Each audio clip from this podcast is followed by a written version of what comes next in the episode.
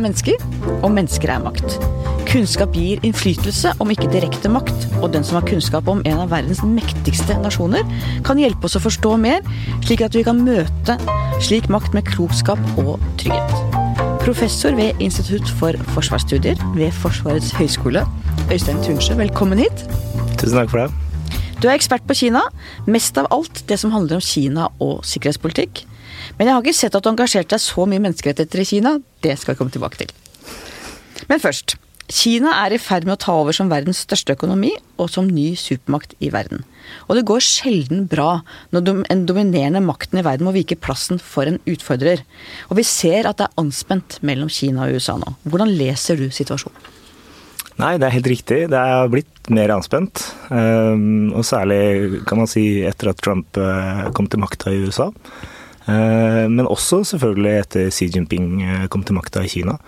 Og så ser man, som du er inne på, at Kinas relative makt, altså målt i forhold til USA, den, den vokser.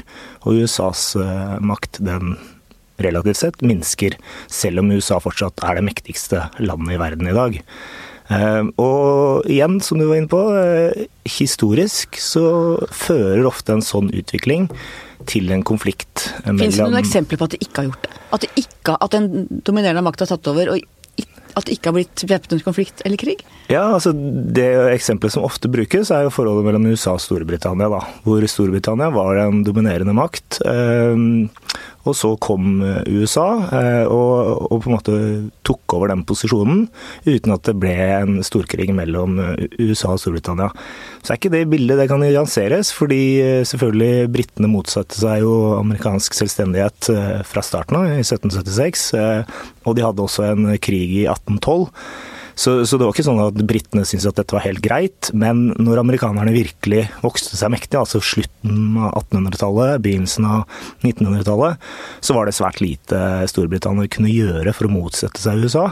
Og, og, og man hadde også et visst uh, verdifellesskap med at mange hadde utvandra fra Storbritannia til De var jo bedre venner. Altså Det var et bedre forhold mellom USA og Storbritannia den gangen enn det er mellom USA og Kina nå. Absolutt. Andre eksempler er jo f.eks. at men det dreier seg ikke om den aller mektigste og den nest mektigste, men f.eks. Japan eh, vokste seg veldig mektig under den kalde krigen, eh, og, gikk forbi eh, en rekke land, sånn, i hvert fall i økonomisk makt. Og det førte ikke til en konflikt, men Japan er litt spesielt fordi de ikke vokste så veldig militært. Men hvor stor er risikoen for væpnet konflikt nå, enten mellom USA og Kina eller via stedfortredere, altså andre land? Nei, jeg argumenterer i min nyeste bok eh, fra 2018, eh, hvor jeg fremhever på en måte at vi har fått en ny supermaktrivalisering mellom USA og Kina. At eh, risikoen er ikke stor, men den er større enn den var i den forrige supermaktrivaliseringen mellom USA og Sovjetunionen. Og grunnen til det er at rivaliseringen mellom USA og Kina i dag, hvis man er litt gammeldags og man legger til grunn på en måte geopolitikken, så foregår den rivaliseringen ute til havs. Og ute til havs i Øst-Asia-regionen, i Sør-Kina-havet, Taiwan-stredet, Øst-Kina-havet, der har vi ikke på en måte det øst-vest-skillet. Berlinmuren, eh, disse buffersonene, prosentavtaler som man hadde i Europa under den kalde krigen.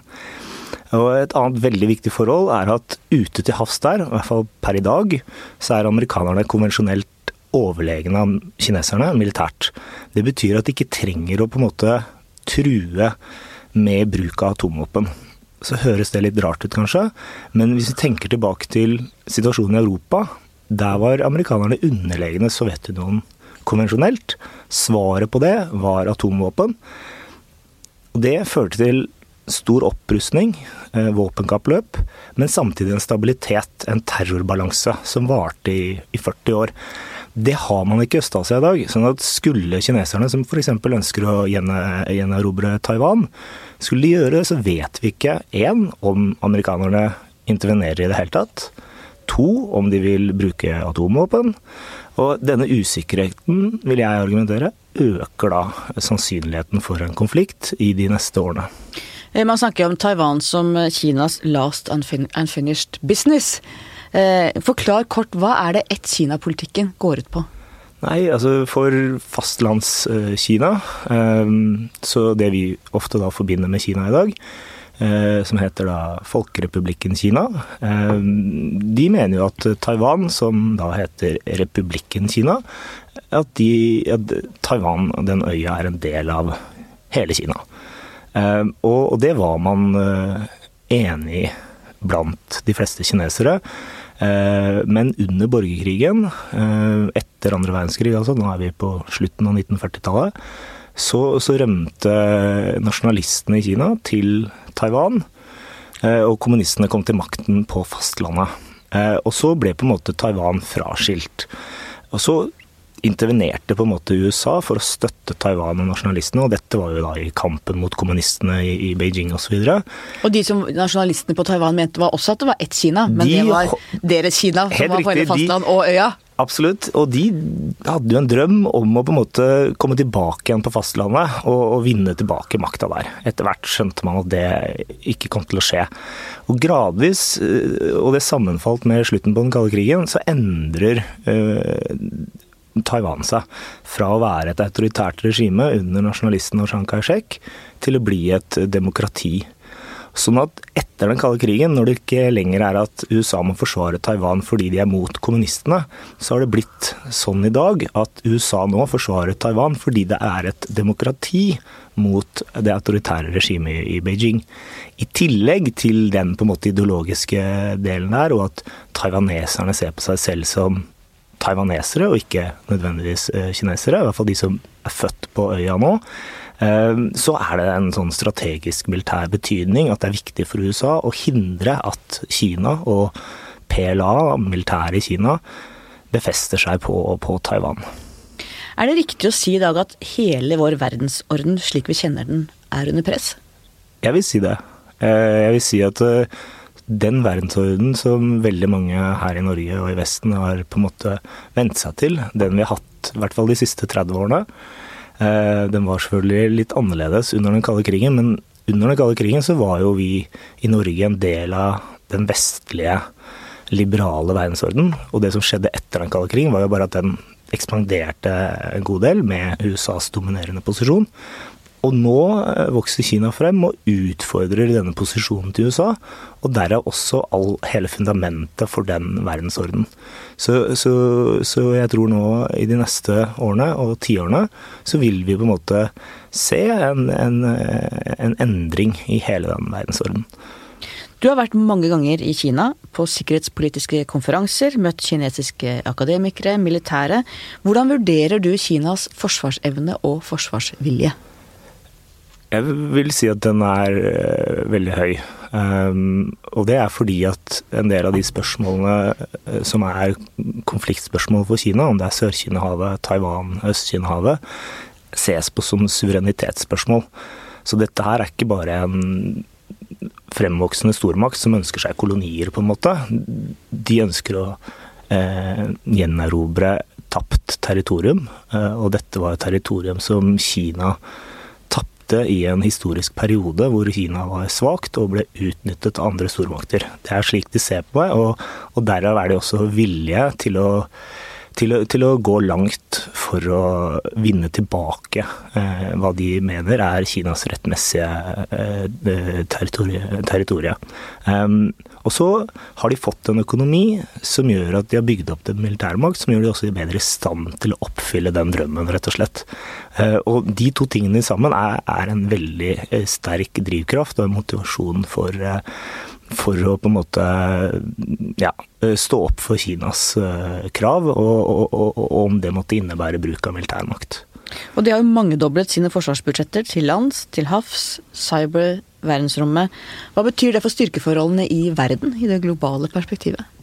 Nei, først og fremst så, så påvirker det jo Øst-Asia-regionen. Og, og, der er det jo sånn at uh, amerikanerne nå, de de, de er eh, dypt bekymra over den militære oppbyggingen som vi har sett i Kina de siste to tiårene. Og, og, det gjelder særlig i det maritime. At det vi nå ser, er at kineserne er i stand til å presse amerikanerne ikke helt ut av regionen, men til å operere lenger unna Kinas kyst.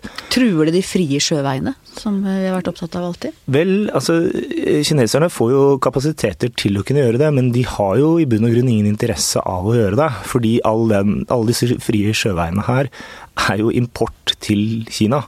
Eh, men de, de er jo bekymra, de ønsker å kunne sikre seg disse sjøveiene, beskytte de sjøveiene i en potensiell konflikt med USA. Det tror jeg blir veldig vanskelig, men, men, men, men det er nå en ambisjon de har.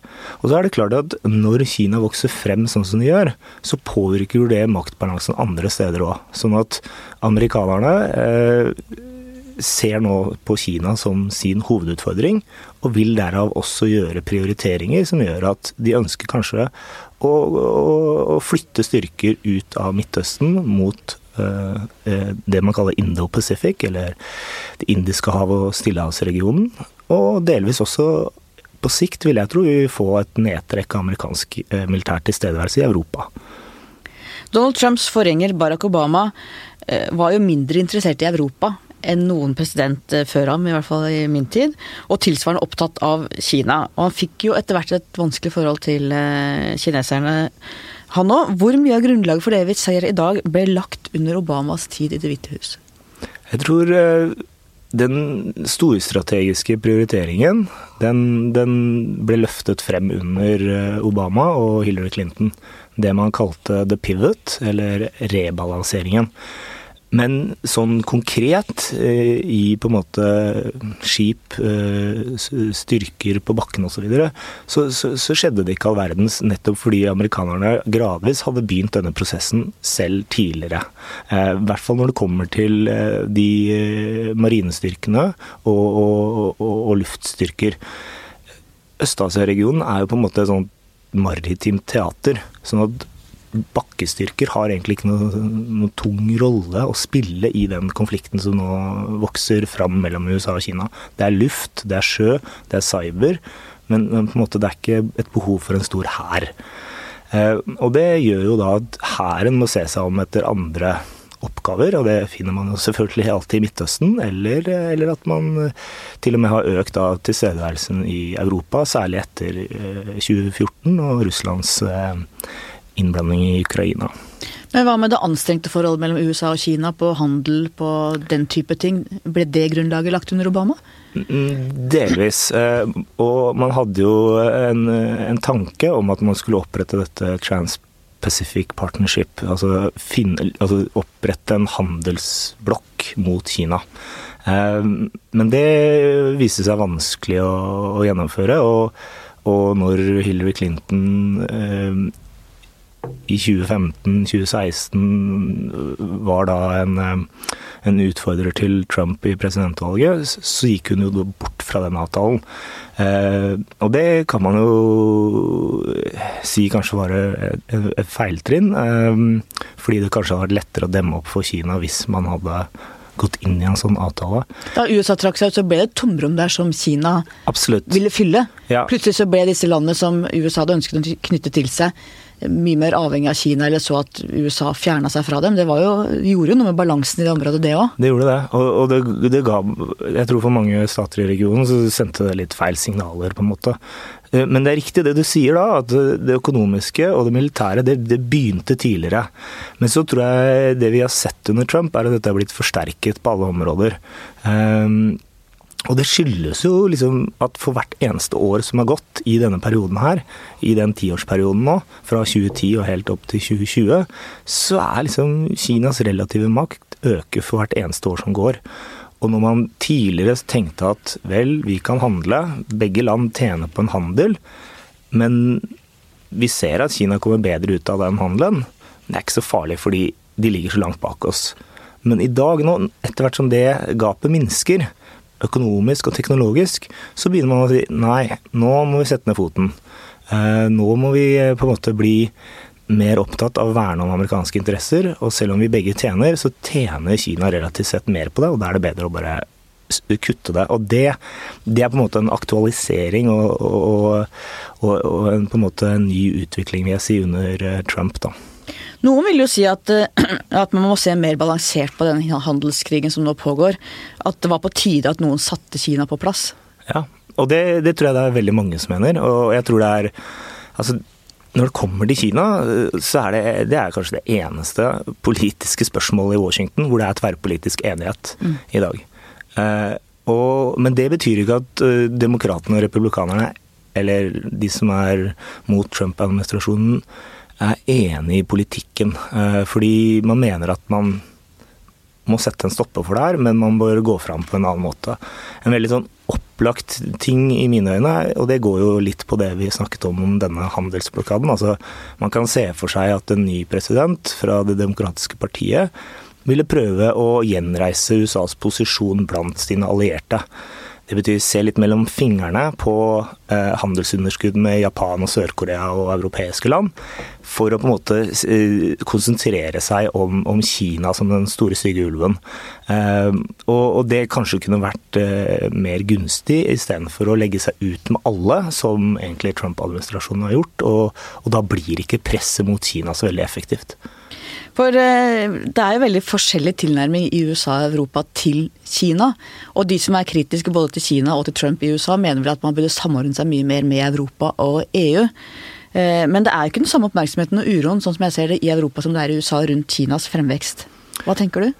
Nei, eh, det er riktig at det ikke er like stor uro og, bekymring i Europa. Men, men, det vi helt klart har sett de siste par årene, det er at Europa har våkna og at Europa tar grep for å, for å på en måte imøtegå hva de mener er eh, dårlig praksis fra kinesernes side. Det være seg stjele, bedriftshemmeligheter eller eh, ikke respektere opphavsrettigheter. Det være seg eh, subsidiering og, en sånn form for neomerkantilistisk økonomisk politikk. At man også hindrer europeiske selskaper å komme inn på det kinesiske markedet. Man må gi fra seg teknologi for å samarbeide med kinesere en, en, en, rekke eh, ting som europeerne har blitt mer og mer bekymra over, og det er særlig drevet fram av, av store tyske selskaper.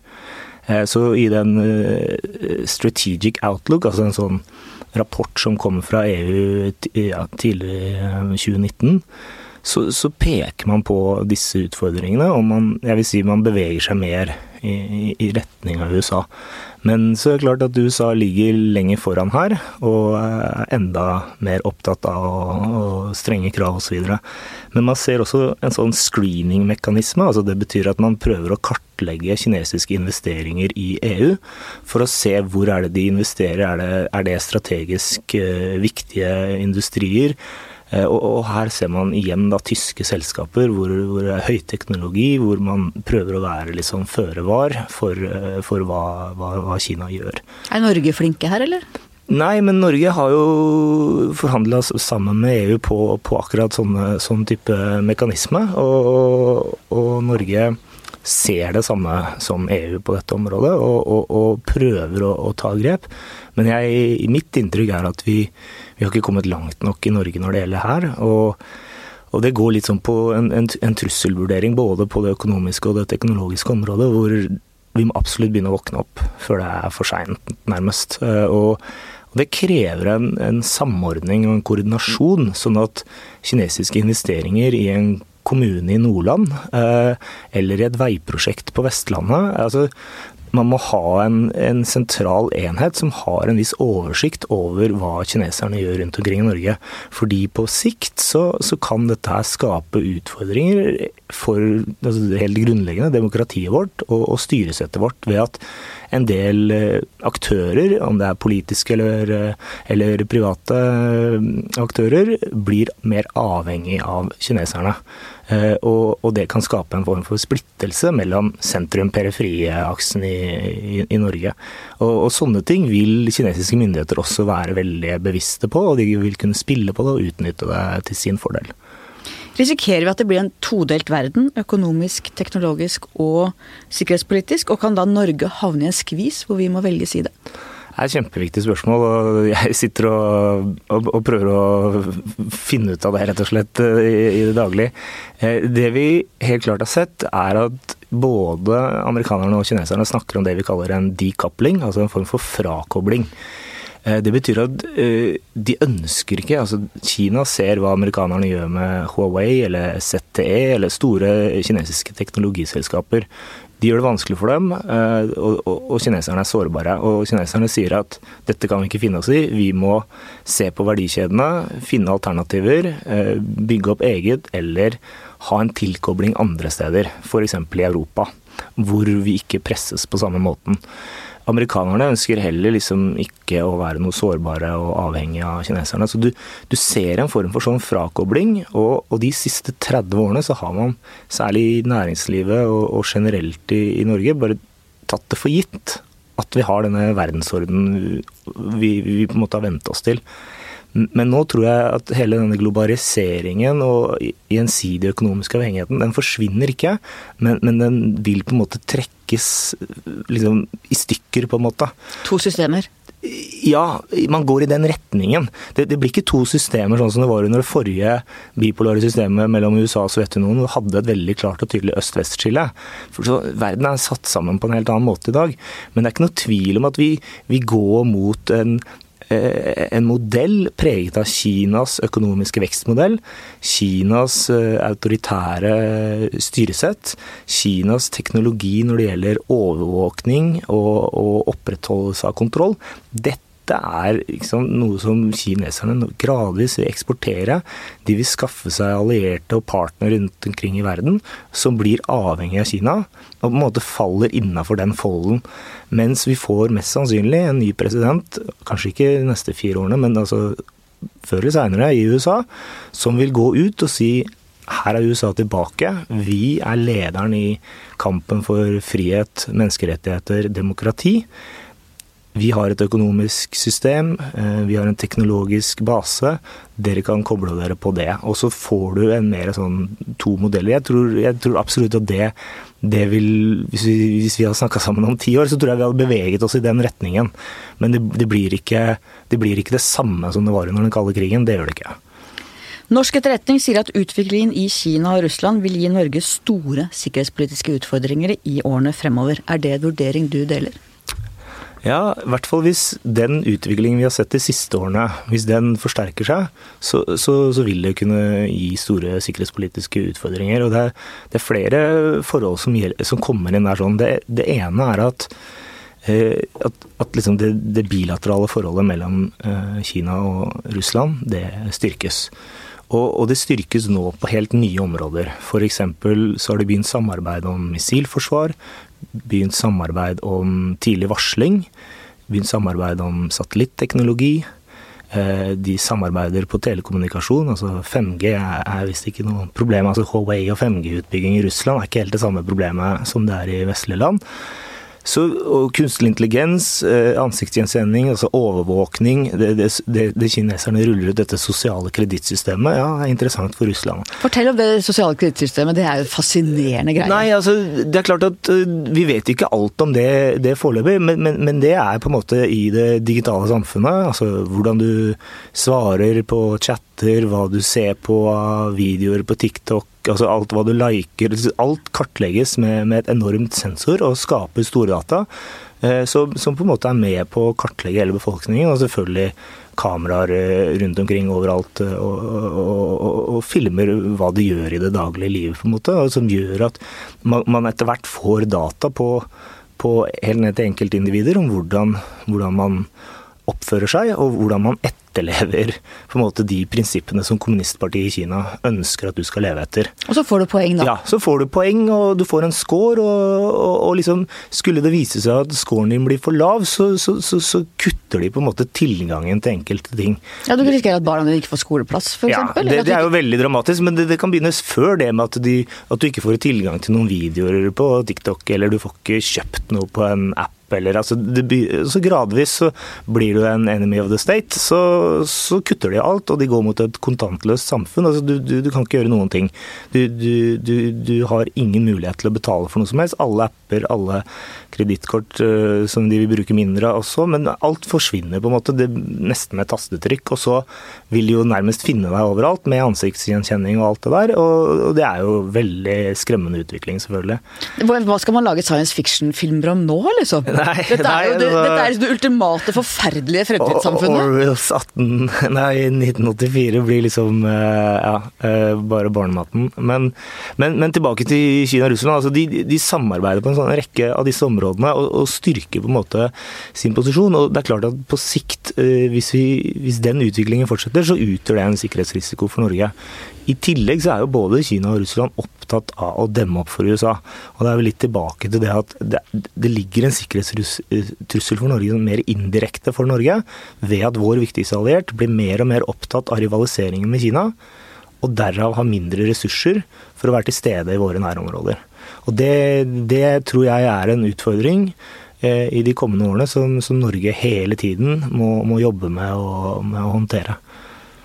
Og Kina har alltid vært opptatt av å balansere makt. ikke sant? De valgte Sovjetunionen eh, da de følte at USA var en stigende supermakt da Mao var ny. Eh, og så gikk de til USA da de følte at Sovjetunionen var i ferd med å bli den stigende makten. ikke sant? Nå, nå sa eh, Jinping på eh, 19. partikongressen var det det, at Kina skulle bli en global leder innen 2050.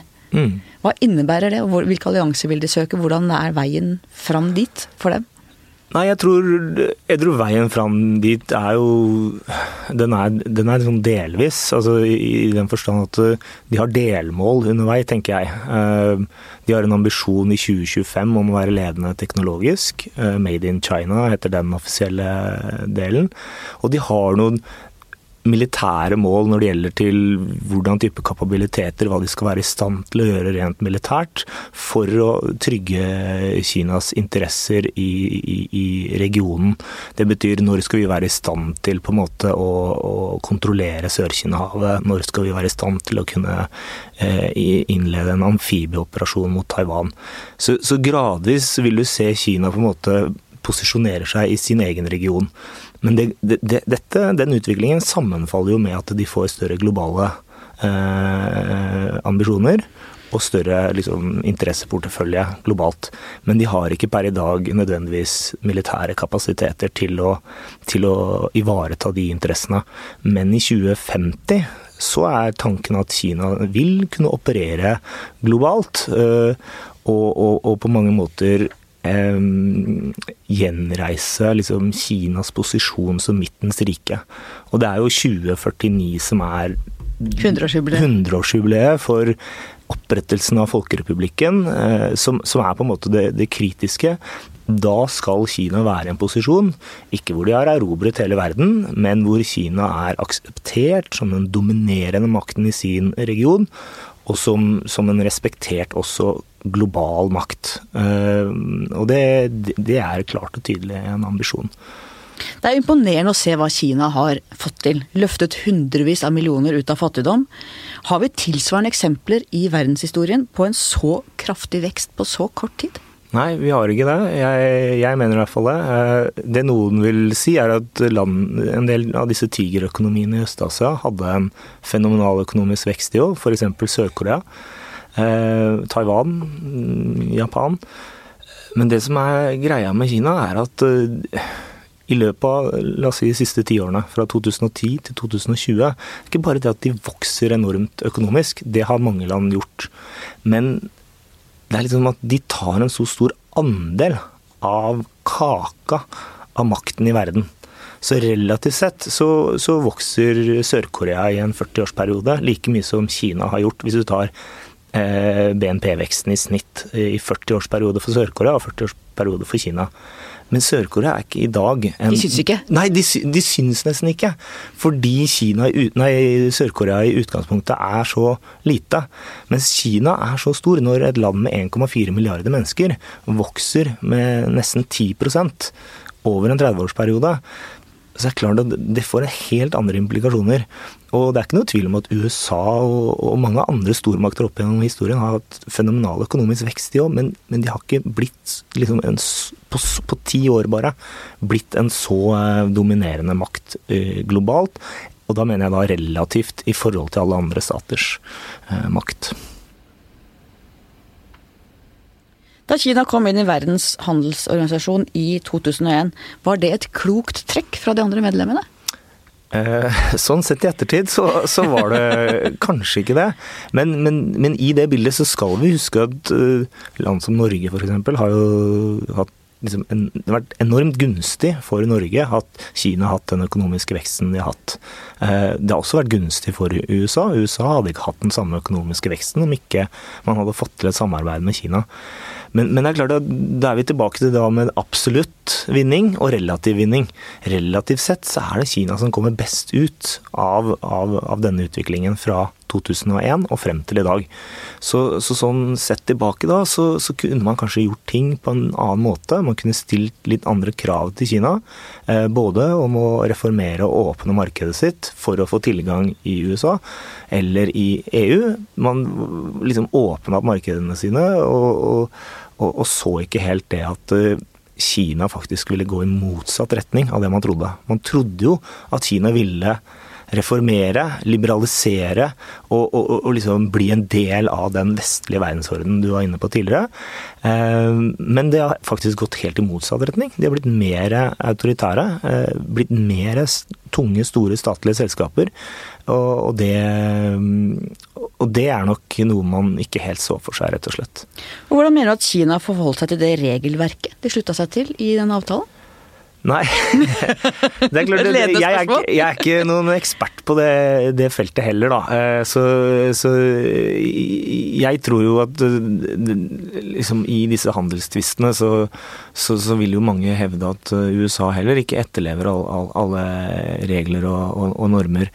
Så, her er det selvfølgelig eh, mange sider av den saken der, altså. Eh, og, og, og kineserne har jo liksom de de har jo kommet inn med en u-landsstatus. Eh, Jeg tror det folk flest er klar over det? At Kina fortsatt har status som utviklingsland i disse ja. handelsavtalene?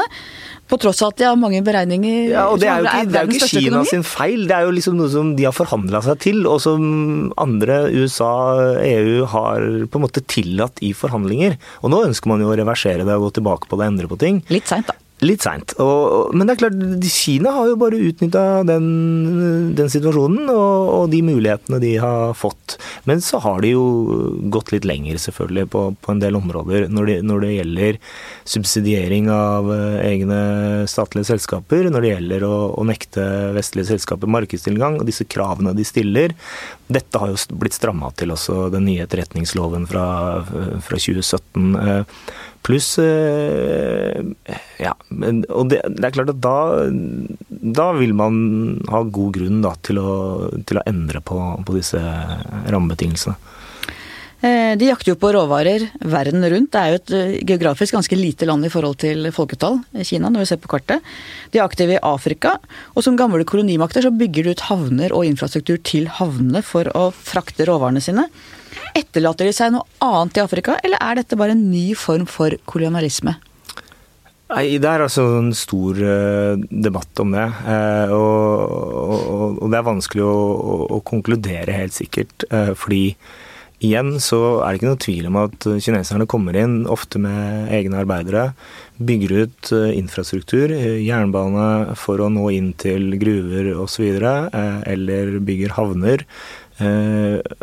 Og denne infrastrukturen kan man jo si gagner eh, de landene Kina investerer i. Eh, men det har også noe å si hvordan på en måte tilstedeværelse Kina ender opp med. Eh, hvis de på en måte kjøper seg en havn og får en leiekontrakt på 99 år, som man har liksom sett, og at man låner penger til en stat, og når de ikke kan betale tilbake, så, så, så, så liksom, ja, men da bare sier vi at vi har denne havnen i 99 år. Eh, så, er man litt tilbake til sånn nykolonialistisk eh, politikk. Spørsmålet er jo hvor hadde disse landene vært uten kinesiske investeringer? Hadde de vært noe bedre stilt da? Kanskje ikke. Eh, og det som er sikkert, er jo at også kineserne de, de har trengt eh, disse ressursene for å bygge den økonomien. Og, og det er liksom eh, Sånn som det internasjonale markedet fungerer, så ville jo de henta disse ressursene et eller annet sted. Da. Så jeg, jeg, jeg syns det er vanskelig å konkludere på det spørsmålet. Mm. Uh, og, og, jeg tror det er for tidlig å si, rett og slett. Det er klart at man kan vise til enkeltland hvor, hvor situasjonen har blitt verre, men også helt sikkert land hvor, hvor, hvor, det har ført til en utvikling og, og en oppblomstring av økonomien. Eh, jeg hørte nylig at Kina eier 70 av de 200 største havnene i verden. De har den nye Silkeveien, dette Belt and Road Initiative. Noen sier at beløpet på det er ti ganger større enn Marshall-hjelpen i sin tid. Hva tenker du om hele det initiativet? Nei, jeg tenker at det initiativet sier enormt mye om hvordan Kina har endra seg eh, som, en, eh, som en internasjonal aktør under den tidligere presidenten Deng Xiaoping, som på en måte i satte i gang veksten i Kina, skulle Kina ha en lav profil. Man skulle på en måte være tilbaketrukket, man skulle ikke blande seg inn i andre staters indre anliggende osv. Under Xi Jinping så har på en måte Kina tatt en mye mer offensiv rolle, blitt mer selvhevdende, noen vil også argumentere mer aggressive. Eh, og, og, og de nye silkeveiene er på en måte Eh, eh, kanskje det beste eksempelet på dette. Her er det tunge investeringer. Kina helt klart og tydelig blander seg inn i andre staters indre anliggende. Som har gått bort ifra den, den, den strategien. Det jeg syns er interessant, er jo i, hvilken grad Kina kan fortsette denne politikken. Jeg tror vi vil se en form for, ikke tilbaketrekning, men en mye tydeligere prioritering av hva Kina faktisk er i stand til å levere. Økonomi, økonomien i Kina eh, sliter. Eh, økonomiske vekstraten avtar. Eh, gjelden bygger seg opp i Kina. Så det er mange utfordringer eh, i årene som kommer nå eh, med den hjemlige økonomien. Og i det bildet der så tror jeg ikke du kan bare fortsette å pøse ut eh, milliarder av kroner rundt omkring i hele verden på veldig mange tapsprosjekter hvor, hvor de ikke får så veldig stor eh, avkastning på disse prosjektene. Men som jeg oppdaga når jeg skrev en bok om Kinas energisikkerhetspolitikk, er jo at kineserne gjør ikke en sånn kost-nytte-analyse. De ser jo på disse investeringene også som på en måte en infrastruktur som skal gi dem en posisjon i et marked i framtiden.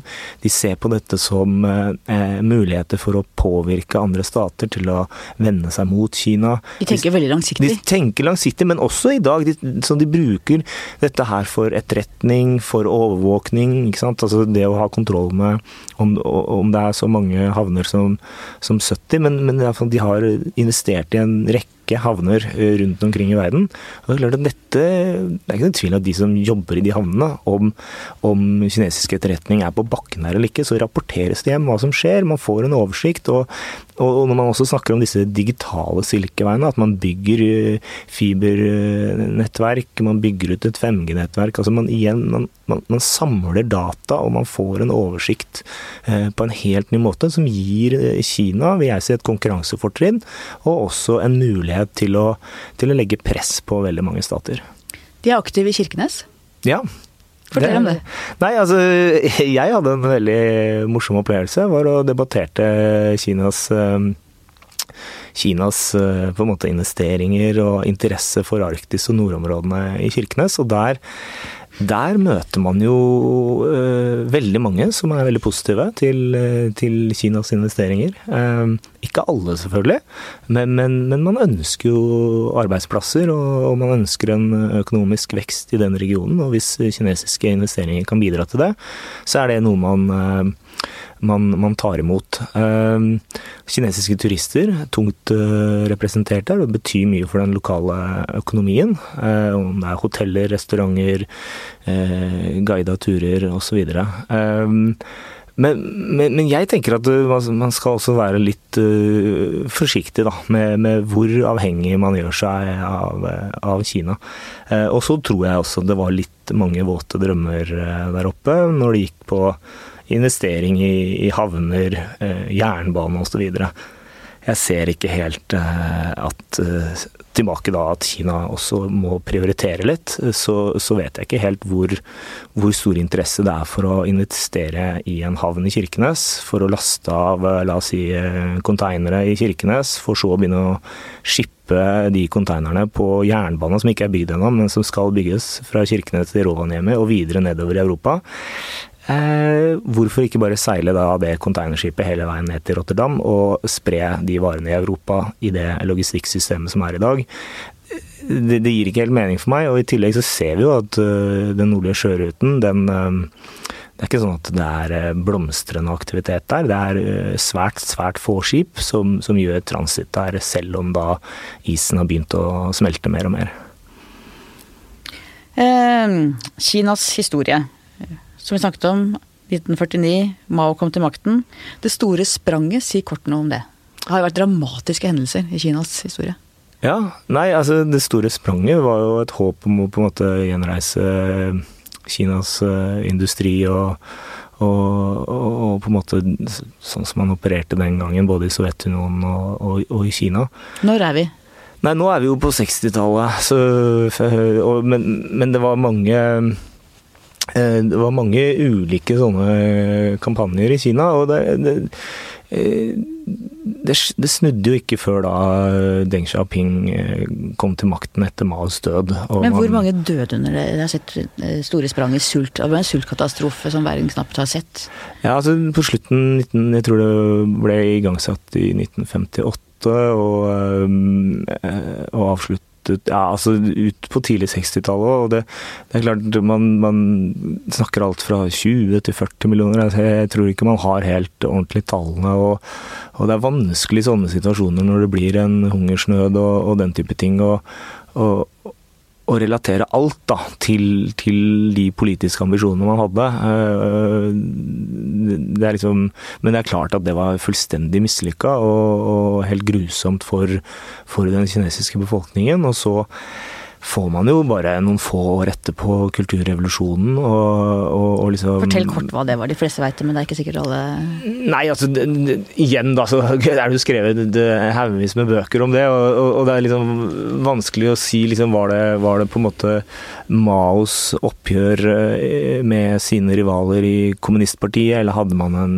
ideologisk eh, tro på at eh, man kunne endre Kina helt fundamentalt? Men, men det er klart at millioner millioner av mennesker ble sendt ut på landsbygda eh, og, og skulle jobbe i arbeidsleire der ute, og, og, også en form for ideologisk indoktrinering. Um, og Kina, nei, og Mao brukte jo eh, kulturrevolusjonen til å gjenreise sin posisjon. Eh, han hadde jo fått kritikk for altså det store spranget var så mislykket.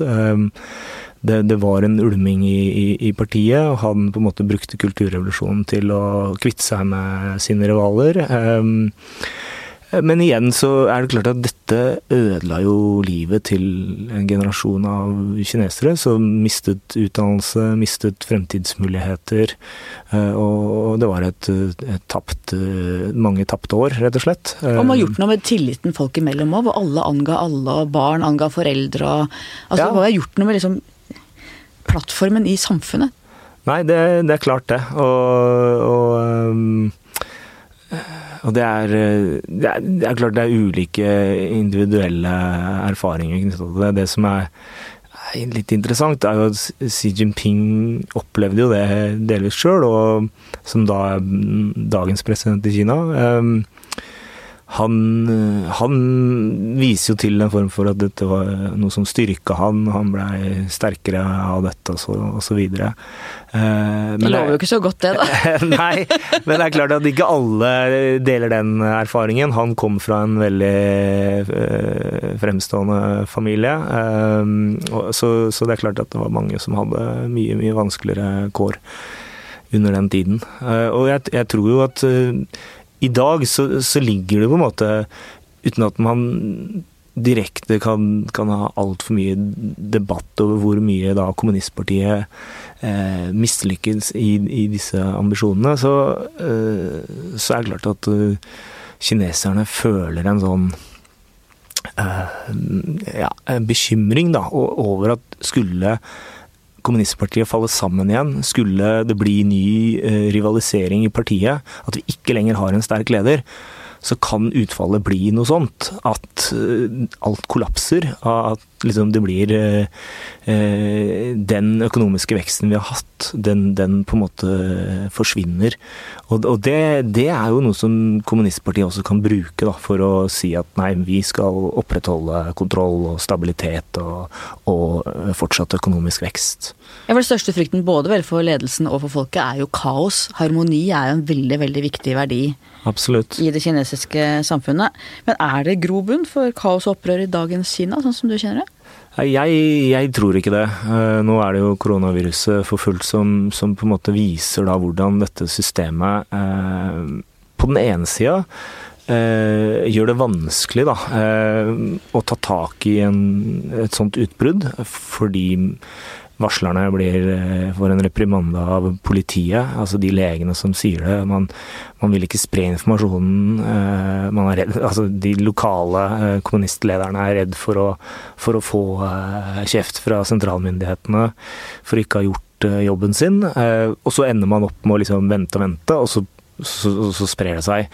Og, så det ligger noe Men så ser du den andre siden av det kinesiske samfunnet, er at når man først trykker på alarmknappen i Beijing, så stenges bare alt. Da, da putter man Hubei, eh, en by med 11 millioner mennesker, bare i karantene. Og, og resten av provinsen, den eh, Eller eh, Wuhan, 11 millioner. Hubei-provinsen opp mot 40 millioner mennesker som bare Nei, ingen drar noen steder. Og, og, og, der kan man liksom iverksette enorme ting på veldig kort tid, fordi det kommunistiske partiet er helt sånn Ja, den befinner seg overalt i det kinesiske samfunnet. Og det, det er jo det, det betyr jo, da, og det var det du spurte om, altså det betyr jo at muligheten for å opprettholde kontroll og hindre kaos er ganske stor i Kina, gitt at kommunistpartiet er eh, omtrent 90 millioner medlemmer, og, de, eh, de, har sentrale posisjoner fra, fra, barneskoler til universiteter, til private selskaper, eh, til det militære. Altså de er overalt. Og det, det er veldig vanskelig å se for seg at en gruppe mennesker i Kina skal kunne klare å vokse sterke nok til å motsette seg det kommunistiske partiet. Og også gitt den overvåkningen som vi, vi, ser i Kina i dag, så er det helt umulig å organisere millioner av mennesker som skal begynne å marsjere mot kommunistpartiet. Så den eneste uh, måten dette kan føre til kaos og ustabilitet på, er jo om det blir en konflikt på toppen av det kommunistiske partiet. Og per i dag så er det ingenting som tyder på det. Xi Jinping sitter uh, trygt ved makta. Uh, men det er klart, uh, ingen kan spå framtiden. Men, men, det er på en måte det eneste som, som vil kunne rokke ved det, vil jeg tro. Men vi er jo mange som har trodd at en stadig sterkere middelklasse vil drive fram krav om demokrati. Og så langt er det jo lite som tyder på det. Har vi tatt feil? Ja, jeg har tatt feil. og den middelklassen, de Eh, de er så fornøyd med den økonomiske veksten de har hatt, at de er ikke villige til å risikere å miste den veksten for å, for å endre på det politiske systemet. Um, fordi de, de, vet hva de har, og de, de, de, frykter den kaos og usikkerheten som kan oppstå hvis man begynner å endre på ting. Uh, så, så, der har man rett og slett tatt feil. Man har spådd det i lang tid. Jeg har trodd det hele tida. Ja, men jeg, jeg, tror også at uh, kinesiske middelklassen beveger seg også over i det at uh, at uh, det kinesiske kommunistpartiet på en måte kan, kan, kan, kan levere det som de mener er, er det viktigste. Da. Og det er å, å gi en, en, en, ramme for fortsatt økonomisk vekst. Skulle den økonomiske veksten totalt kollapse, så er det klart at da, da faller det argumentet bort. Men da er vi tilbake til hvor hardt kan kommunistene holde på makta, og det er veldig, veldig hardt. Og da, da kan man også se Eh, Kina kanskje beveger seg enda mer over i en sånn totalitær eh, retning. Men, men, jeg tror at det er mulig, selv om vekstraten synker, å opprettholde en økonomisk vekst som fortsatt gjør at middelklassen tenker sånn at vi er bedre med den situasjonen i dag enn å utfordre systemet og ikke vite hva vi får. Um, så, så der, der, ligger den. Og det, en annen ting man har hørt i mange år, er jo at internett ville også endre på ting i Kina. Fordi internett ga alle mulighet til å dele tanker og ideer og organisere og Men igjen så har det gått helt i motsatt retning. Kinesiske myndigheter har brukt internett til å få enda mer kontroll med egen befolkning. Så, eh, så det er en del eh, områder her hvor, hvor, man har trodd at utviklingen kanskje skulle gå i en annen retning enn det, det den har gjort. Betyr at vi for første gang i hvert fall i moderne tid kan oppleve at et ikke-demokratisk land står for verdens største økonomi? Ja, øh, vi kan det. Uh, og, det kommer til å bli en kjempeutfordring for, uh, for ikke bare USA, men for hele verden. Og det, det, er på en måte litt av grunnen til at jeg tror mange argumenterer for at Eh, Kinas politiske system er kanskje en av hovedtruslene eh, mot eh, særlig vestlige land. Fordi et Kina som har verdens største økonomi, og som har et fundamentalt ulikt styresett, det, det, det er en form for eksistensiell trussel. Uh, på sikt. Det er, det er alvorlig en form for eksistensiell trussel. Ja, det er klart det, er, hvis, du, hvis, du, ser for deg de neste tiårene, og, og som vi snakka om, Kina har 2049 Hvis du gir dem den, de tiårene, og ikke at de kommer til å vokse så enormt som de har gjort de siste 30 årene, men, men, men, men la oss si bare at de fortsetter å, ha vekst og, og fremgang særlig teknologisk, eh, så tror jeg at eh, det skal bli veldig vanskelig å hindre Kina i å bli denne dominerende aktøren. Som, eh, som rett og slett vil på sikt kunne true demokratiet som vi kjenner det i dag i Vesten, og, det styresettet som vi, som vi verdsetter. Kina ligger jo veldig langt fremme med utvikling av kunstig intelligens, roboter og ikke minst, som jeg snakket om, avanserte overvåkingssystemer. Ansiktsgjenkjenning.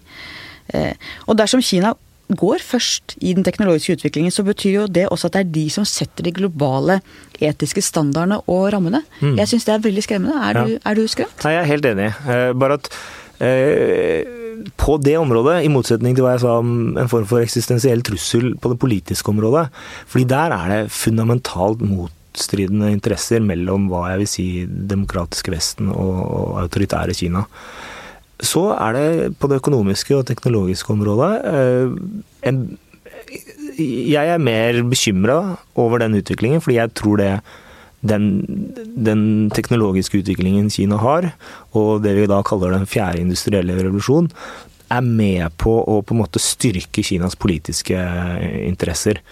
Og, og derav så vil igjen, i en sånn 30-årsperiode nå, eh, hvor vi nå bare ser starten på at Kina begynner med tingenes internett. De, de, de samler eh, gjennom sensorer og overvåkning, samler store data denne store dataen pusher de gjennom kunstig eh, intelligens, eh, og så ut av det igjen så får man eh, autonome systemer, man får alt mulig form for overvåkning, droner Alt det måtte være.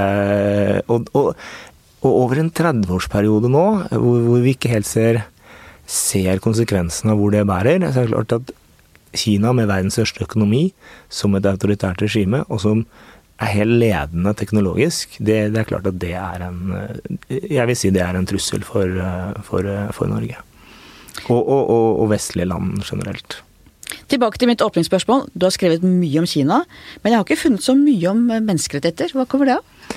Nei, eh, det er fordi forskningen min har fokusert på, på, på sikkerhetspolitikk. Men, men igjen så tror jeg at liksom når jeg begynte å, å, å, forske på Kina og Norge, eh, særlig etter endt ph.d. i 2006, så var debatten i Norge veldig sånn handel versus rettigheter. Skal vi handle med Kina, eller skal vi fremme menneskerettigheter i Kina? Um, det som har skjedd nå, er jo at eh, rettigheter og menneskerettighetsspørsmålene dreier seg ikke bare om utviklingen i Kina, om det er hva som foregår i Xinjiang-provinsen og, og, og, den forferdelige utviklingen der, eller i Tibet. Eller, det, er ikke, det, er ikke, bare det. Det er også våre rettigheter. Altså hva, hva Kina gjør for å påvirke og, og, og, bruke en form for desinformasjon til, til å undergrave ytringsfrihet i, i, i Vesten. Så grunnleggende menneskerettigheter i vestlige land. Og jeg syns det er veldig spesielt at to stortingspolitikere f.eks. som ønsker å prøve å bare stå med to gule T-skjorter utafor Stortinget når eh, Kinas nummer tre i kommunistpartiet kommer på besøk, blir på en måte bare presset bort av eh, en hel haug av folk som den kinesiske ambassaden har leid inn. Det er klart at Da begynner man å få en litt sånn opplevelse at ja, men det her, det her er jo ikke demonstranter i Beijing. Dette er våre folkevalgte som ikke eh, får lov til å bare stå der engang. Utafor arbeidsplassen sin. Eh, og det, det, er liksom Da har dette spørsmålet om rettigheter blitt noe helt annet. Eh, når, når man ved universiteter ikke kan diskutere sensitive spørsmål for, for Kina, f.eks. Taiwan eller menneskerettigheter, fordi det har blitt flere og flere kinesiske studenter i, i, i klassene på en rekke vestlige universiteter, og som vil da øh, gå sammen og protestere mot den undervisningen. Eh, og, Skjer det ofte? Ja, det er mange eksempler på det. Eh, både i Storbritannia, USA og særlig Australia. Og, og, hvor man da enten legger bånd på seg sjøl, eh, eller, eh, eller, at eh, liksom man må endre på, på eh, artikler man legger opp på pensum og den type ting. Jeg husker det var i fjor en rapport i det eh, britiske parlamentet som så på denne utviklingen her i, i Storbritannia og ved britiske universiteter. Og, og problemet er at alle disse universitetene, særlig i USA, Storbritannia og Australia, har jo enormt mange kinesiske studenter. Som bringer penger? Bringer masse penger. Det er big business. Og, og det er klart at da, da, begynner man å få noen utfordringer. Og igjen, prøv å se liksom 10-20-30-åren hvilken retning dette bærer. Uh, Houston Rockets, som NBA eh, liksom prøvde å tvitre liksom om uh, for å støtte demonstrantene i Hongkong. Og så kommer big business inn med en gang. Da plutselig sier kinesiske kommunistpartiet at da skal vi ikke vise noen NBA-kamper i, i, Kina. Som hadde store økonomiske implikasjoner Enorme, for altså, hele ligaen? De, de, snakker om 500-600 millioner mennesker som ser på, ser på de kampene. Og da kommer jo NBA på banen og sier at dette skal vi ikke ha noe av. Det er jo pengene Ja, i basketballen. Ja. Og da, da, er det jo pengene som rår. Så, så det er klart at gradvis så får vi mer og mer av den type utvikling, og man har ikke på en måte eh, eh, gjort seg opp en klar mening om hvordan man skal stå i alle de spørsmålene. Eh, Eh, og, og, og, tilbake til det du sier, ja, jeg var ikke så opptatt av menneskerettighetssituasjonen når jeg startet liksom, mitt arbeid med publikasjoner, og det kommer ikke til å være en sentral del av forskningen min nå heller, men jeg ser hvordan rettigheter og sikkerhetsspørsmål, altså sikkerhetspolitikken og rettigheter, kommer på en måte mer sammen. Og utfordrer en del av det som var da nærings- og handelsinteressene. Så man må begynne å veie litt eh, i hvilken grad man skal ta imot kinesiske investeringer, i hvilken grad, hvor, hvor stor andel eh, bør være eh, kinesiske studenter. Og, og, i USA så har det her gått veldig langt, hvor, hvor eh, FBI har rulla opp en masse saker hvor ledende amerikanske forskere har, har, fått eh, store summer av eh, kinesiske universiteter for å, å på en måte eh, drive forskning, og, og, dette gir igjen da eh, kinesisk etterretning eh, tilgang til, til eh, veldig sånn nybrottsarbeid, høyteknologi osv. Eh, den norske menneskerettighetsdialogen som vi førte lenge, var den noensinne reell? Altså Nå snakker jeg om før nobelprisen og Ja, jeg, jeg tror nok den var uh, absolutt reell, og det, det, er jo noe i å, å, å ha en dialog, men, men, hvor liksom hvor stor påvirkning dette her har uh, i Beijing, det, det, er vanskelig å si. Og det, det, er like mye noe norske myndigheter gjør for å på en måte lette sin egen samvittighet. da. Uh, så kanskje en del av ressursene og arbeidet kunne vært satt inn på å håndtere andre ting. Um, Men, men, men det, er en, det, er ikke noe enkelt spørsmål. Men det som er ganske klart og tydelig, er jo at kinesiske myndigheter ikke har brydd seg noe særlig om det her. Og det, det gjelder ikke bare hva lille Norge sier, men selv hva eh, en del av stormaktene, om det er Tyskland, Frankrike, Storbritannia eller USA, har, har sagt i Beijing, så har man på en måte bare eh, avfeid det. Vi havna jo i fryseboksen eh, etter nobelprisen. Eh, hva ble resultatet i ettertid for Norges del, og hva ble resultatet for Kinas del? Nei, jeg tror eh, for Kinas del så, så var det viktig å, å demonstrere at, at, det var helt uakseptabelt at norske myndigheter på en måte skulle stå bak en sånn nobelprisutdeling. Nå, nå er det jo selvfølgelig eh, ikke sånn at eh, det var norske myndigheter, men, men, kineserne fremstilte det jo på den måten til å begynne med. Eh, og, og, og, derfor så var det også veldig viktig at de, de viste klart og tydelig at, eh, at dette er uakseptabelt eh, fra kinesisk side. Eh, I tillegg så, så, var det jo litt sånn at det sammenfalt med Xi Jinpings vei til makten. Og, og, og det var vel vanskelig å få løst opp i det pga. Xi Jinping tok over, og, og, også fordi han begynte å dreie Kina i en mer autoritær retning. Eh, og, så det å, å, å lempe på disse, denne sanksjonspolitikken var, var, vanskelig. Og heller ingen som ønsket å løfte agendaen til, til bordet til Xi Jinping. Eh, for Norges del så tror jeg vi må bare innse at eh, man her har eh, Man bør jo egentlig ha lært en lekse. At dette er jo en, en, en, klar og tydelig politikk fra kinesernes side.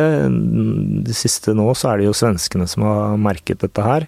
Jyllandsposten i Danmark. Altså, dette Ok, det er ikke noe fryseboks direkte, men, men svenskene har jo fått ganske hard eh, medfart.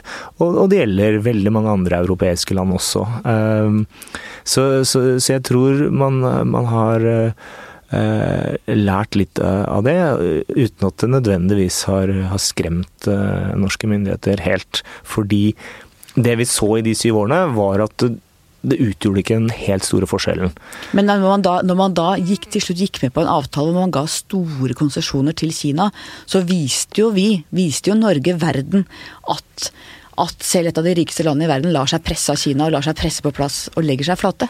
Ja, det er, det er riktig det. Eh, delvis. Eh, jeg er litt uenig i akkurat den tolkningen av den avtalen. Fordi Eh, når man leser den, så, så, tror jeg man kan Det er en del ambiguitet der, i den forstand at et hvilket som helst land som ønsker å ha diplomatiske relasjoner med Kina, må anerkjenne Kinas suverenitet, territorielle integritet.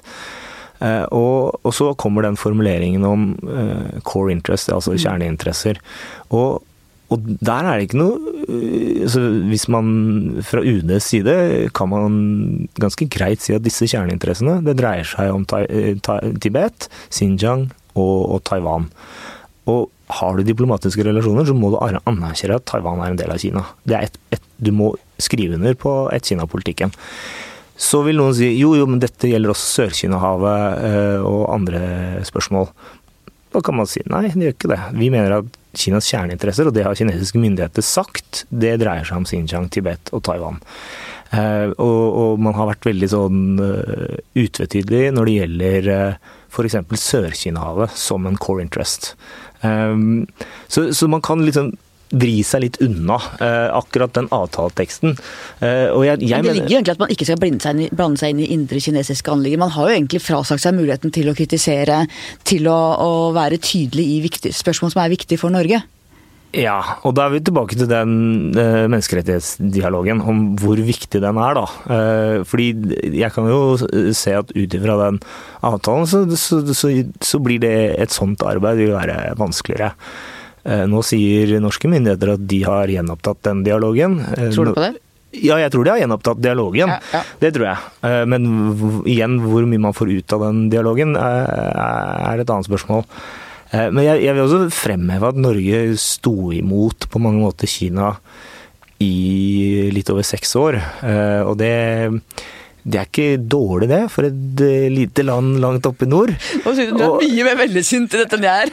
nei, men, uh, men, uh, men, i tillegg, da, så, så, så, så liksom, Tingene gikk jo sin gang i Norge. Men vi solgte jo like mye laks, og det var jo ikke noe krise. Hvorfor skulle vi da ja, men den fantastiske norske, den norske laksen, den, sant, den kan du selge til nesten alle markeder. Det er klart at Næringslivet vil si at denne frysen gjorde at man ikke bare fikk solgt mindre, men at man eh, gikk glipp av noen muligheter. Og det, det, det stemmer nok.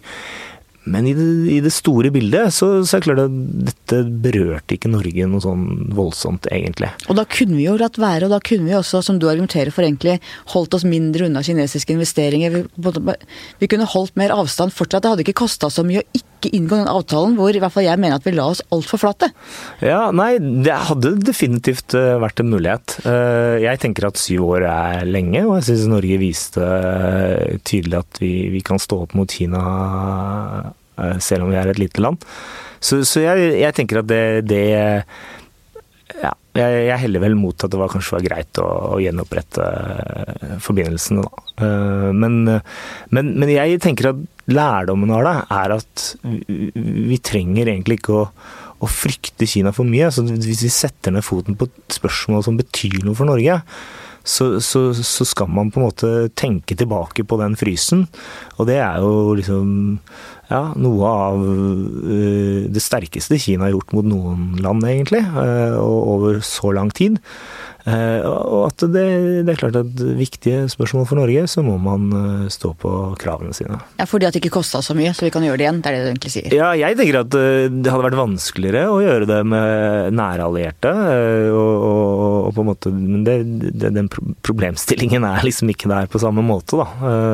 Så så, så jeg, jeg, jeg, sitter igjen med, med, med, den følelsen at den, den frysen ikke ikke var altfor skremmende. Eh, Næringsdepartementet jobber jo nå hardt for å få på plass en frihandelsavtale med Kina. Ser byråkratene her noe utover de rent økonomiske interessene på kort sikt? Altså Ser de det strategiske, det sikkerhetspolitiske aspektene? Nei, mitt inntrykk eh, er at eh, kanskje de som forhandler på selve avtalen, kanskje ikke er så opptatt av det større strategiske og sikkerhetspolitiske bildet. Burde de være det? Ja, jeg mener at de burde være der, men det er klart det er en forskjell mellom eh, de som forhandler på avtalen og de som sitter i UD eh, f.eks. Eh, og jeg, jeg, det tror jeg nok toppene i Nærings- og fiskeridepartementet også er klar over at dette har sikkerhetspolitiske og, og utenrikspolitiske og strategiske implikasjoner. Og, og jeg, jeg, skal ikke si jeg er imot en handelsavtale, men, men jeg tror at man man i hvert fall burde tenke grundig gjennom eh, hva det innebærer. Du er skeptisk? Jeg er skeptisk. Jeg er skeptisk fordi jeg syns at det sender eh, et feil signal til vår viktigste allierte USA om at eh, USA og Kina har en handelskrig. De er kommet inn i en ny supermaktrivalisering. Og så går en av Norge, USAs viktigste allierte og undertegner en eh, handelsavtale med Kina, som i prinsippet skal gjøre Kina mektigere i årene som kommer, og også Norge selvfølgelig. Eh, og et mektigere Kina vil da være sterkere utfordring for USA. Så det, det er noe som skurrer litt der sånn, men det betyr ikke at man ikke skal handle med Kina. Altså det, det vil ikke skje. Eh, og, og, eh, men, men, man burde tenke gjennom mer de strategiske og sikkerhetspolitiske implikasjonene. Vi har jo mye mineraler og andre råvarer som er strategisk viktige. Risikerer vi at USA kan legge press på oss for å hindre oss i å selge til Kina? Og hvordan vil i så fall en handelsavtale og tette økonomiske forbindelser med Kina spille ut for vår del? Ja, jeg tror at vi vil merke et sterkere press fra amerikanernes side. Uh, om, om, det gjelder eh, mineraler eller teknologi, eh, hva det måtte være, så, så tror jeg etter hvert nå, eh, igjen, hvis vi ser de neste årene og tiårene, så, så vil rivaliseringen USA og Kina den vil tilspisse seg. Den, med det som bakteppe, så tror jeg amerikanerne vil legge mer vekt på å sørge for at sine allierte ikke nødvendigvis demmer opp på Kina på samme måte som USA, men i hvert fall ikke gjør det enklere for Kina å utfordre og konkurrere med USA. Og det være seg da å selge eh, viktig eh, teknologi og, og, inngå på en måte et samarbeid med Kina. Hvis du f.eks. hadde latt kineserne få lov til å komme og utvinne sjeldne jordarter i Norge, så tror jeg amerikanerne hadde vært eh, ja, sagt ganske klart ifra at det er noe de misliker. Og det, det gjelder en del andre eh, viktige mineraler, eller også eh, form for teknologiutvikling, eller oppkjøp av eh, strategisk viktige teknologiselskaper. Eh, så, så, der tror jeg i årene som kommer, så, så vil det bli et eh, økende press. Og, og det viktigste, kanskje, vil jeg si, er at vi har vent oss til å få i pose og sekk. Vi har vent oss til at USA skal være vår viktigste sikkerhetsgarantist, og det har ikke noe med Kina å gjøre. Det dreier seg om Russland. Og samtidig så skal vi forvente at vi kan handle og holde på akkurat som vi vil med Kina, som er hovedutfordringen til USA. Og der er det noe som skurrer, og der er det noe som på en måte ikke kommer til å bli så lett da, å manøvrere i det, i det bildet der sånn. Eh, og, og da vil man etter hvert, ikke om det er sånn med oss eller mot oss, enten eller, det er en, liksom en balansegang der. Eh, men Norge vil nok måtte helle mer og mer mot USA, i hvert fall hvis man skal ivareta det tette allianseforholdet. Vi må snakke litt om deg òg. Du er ja. Oslo-gutt. Fortell om oppveksten din. Nei, jeg er født og oppvokst på Torshov. Eh, så det, der har familien bodd siden de gårdene ble bygd i 1922. Så femte generasjon når eh, mine sønner ble født der. Og de det er ikke så mange av de, egentlig. Jeg møter ikke så mange av de i, jobbsammenheng, for å si det sånn. Eh, som er fra Torshov. Eh, så flytta vi til Risløkka ja, med familien eh, i ja, 2011. Og da, da, tror jeg faren min var eh, skuffa. Da brøyt du lang tradisjon. Ja, jeg gjorde det. Så, det er ikke så mange østkantgutter i akademiet, er det det? Nei, det er ikke så mange. Det er ikke det. Så det er noen fra drabantbyene, men jeg har ennå til gode å møte noen fra, fra Torshov. Um, det er helt sikkert det, men det er ikke mange. Hvor kom interessen for Kina fra? Interessen for Kina kom når jeg reiste til Australia i siste året i en cand.mag.-grad ved Universitetet i Oslo.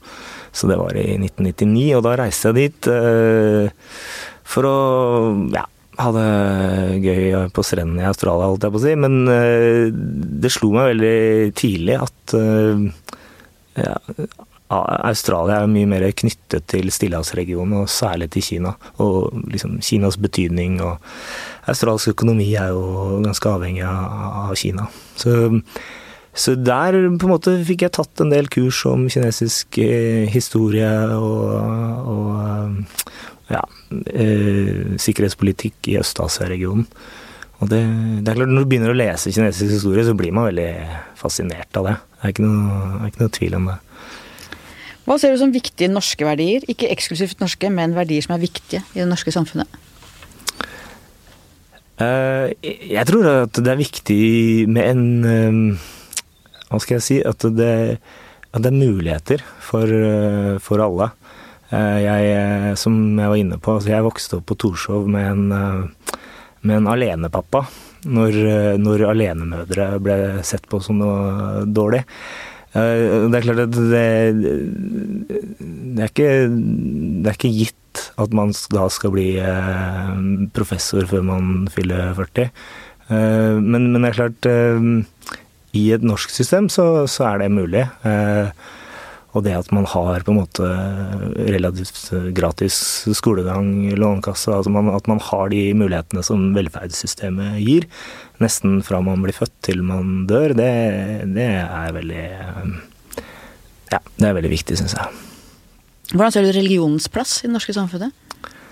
Nei, for min del så, så er den ikke sånn veldig sterk. Altså, det er jo bare en en, en, en, tradisjon som har eh, vært der, og som man hadde Særlig når man gikk på skolen, på en måte. Eh, jeg må innrømme at jeg, jeg, jeg er ikke noe sånn fast i, i, den, besøkende i Den norske kirka.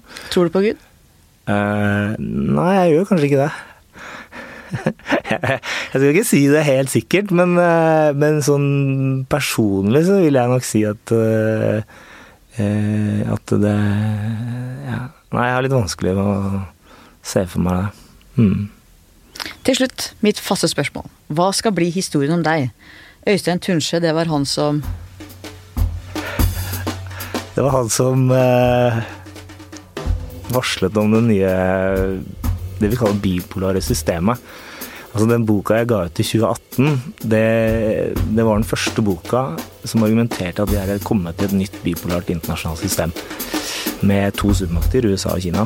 Og jeg tror at det er det som kommer til å prege det 21. århundret.